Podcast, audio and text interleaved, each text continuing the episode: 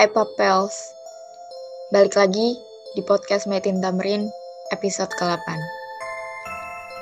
Kali ini gue Lian ditemenin sama Nuri dan Radit. Kali ini kita bakal ceritain kembali kisah-kisah horor yang kalian tahu atau kalian alami dan udah kalian ceritain di Google Form kemarin. Sebelum dengerin podcast ini, jangan lupa dengerin podcast 7 karena podcast kali ini merupakan lanjutan dari podcast episode ke-7.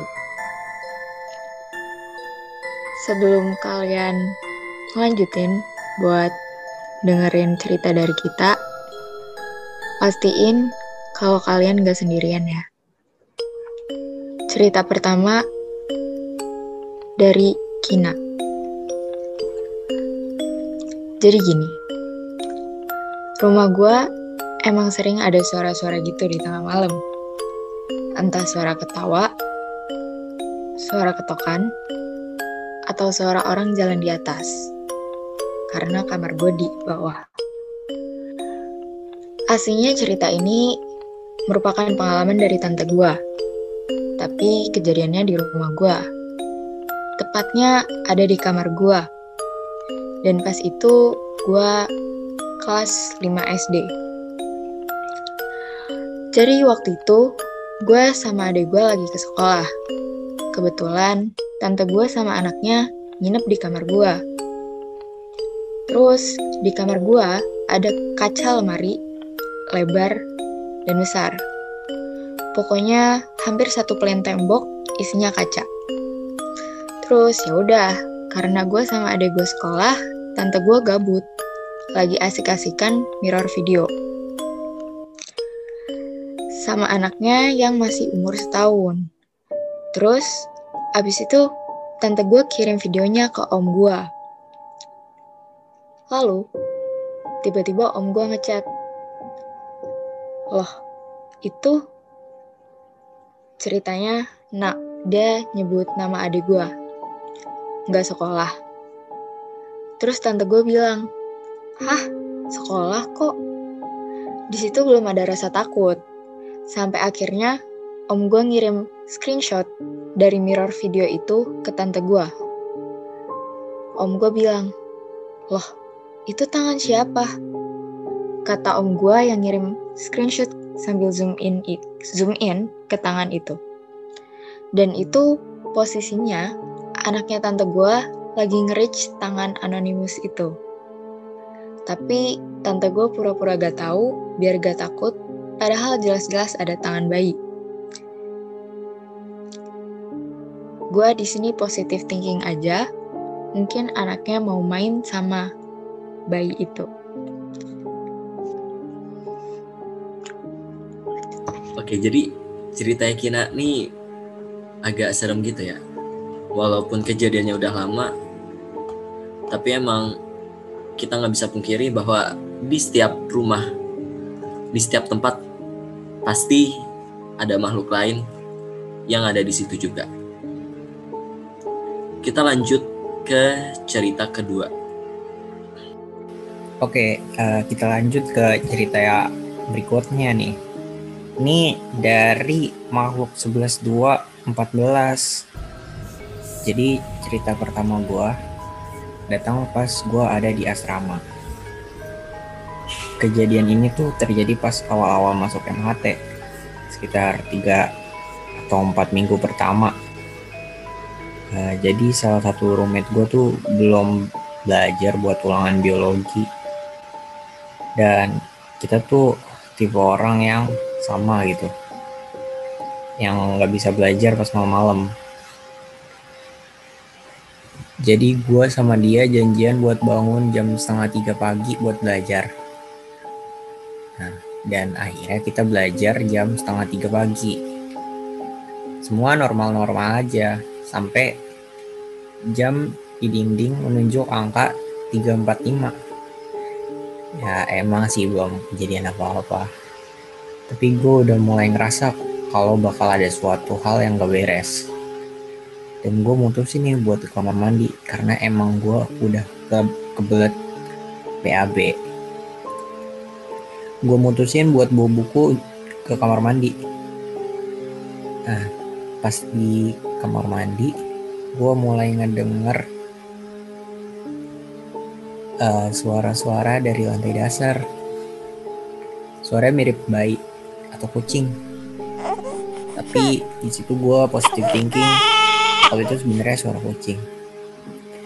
Dan makin lama suaranya makin kencang. Dan suara itu rasanya makin ngedekat gitu.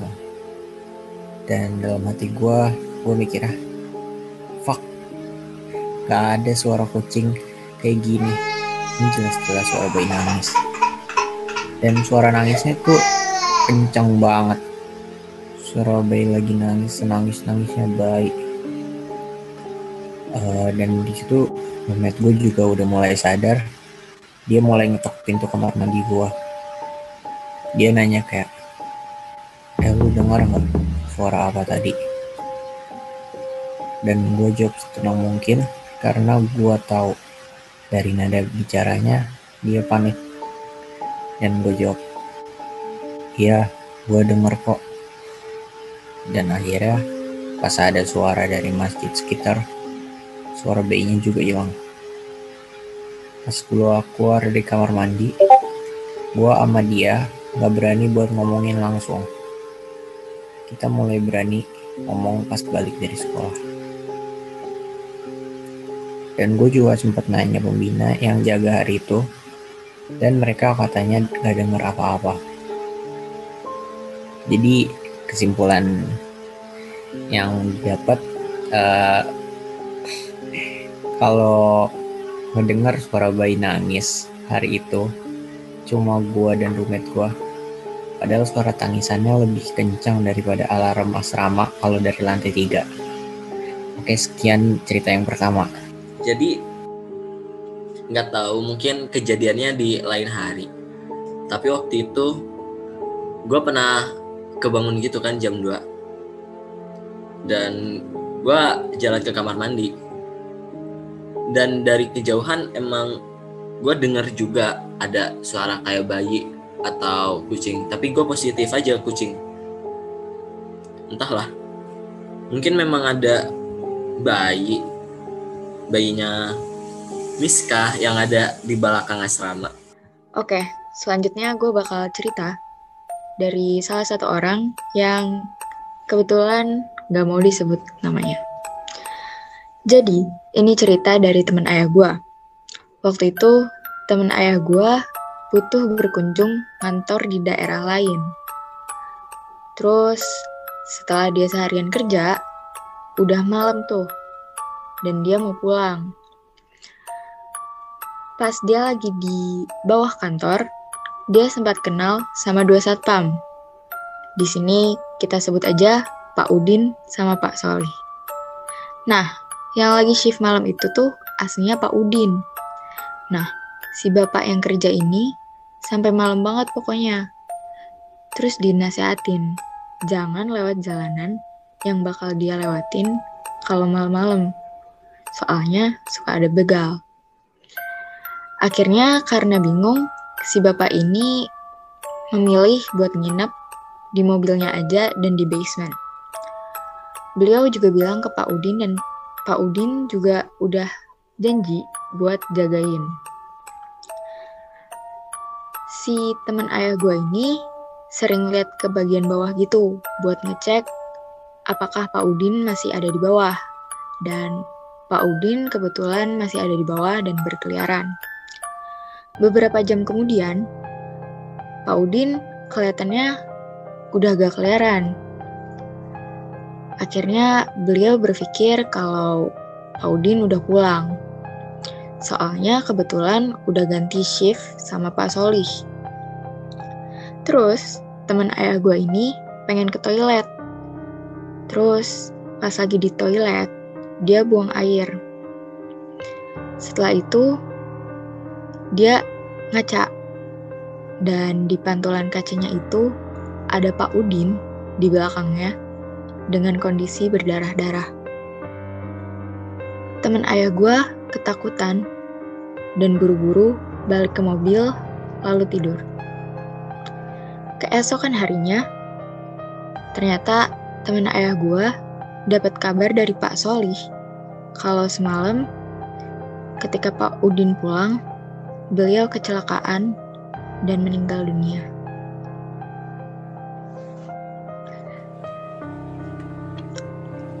Wow. Berarti di sini Pak Udin telah menepati janjinya buat menjaganya. Semoga amal ibadah dia diterima. Uh, oh ini kalau kalau menurut gue sih yang bayangan yang dicermin itu adalah kayak representasi dari uh, depannya Pak Udin kayak uh, apa namanya jadi setiap kayak biasanya kalau orang yang pengen meninggal itu bakal ada kontak batin sama orang gitu. Nah, dan mungkin yang ada di itu adalah uh, Pak Udin yang pengen ngasih tahu ke temen kalau dia tuh bentar lagi udah nggak ada dalam kondisi kayak gitu.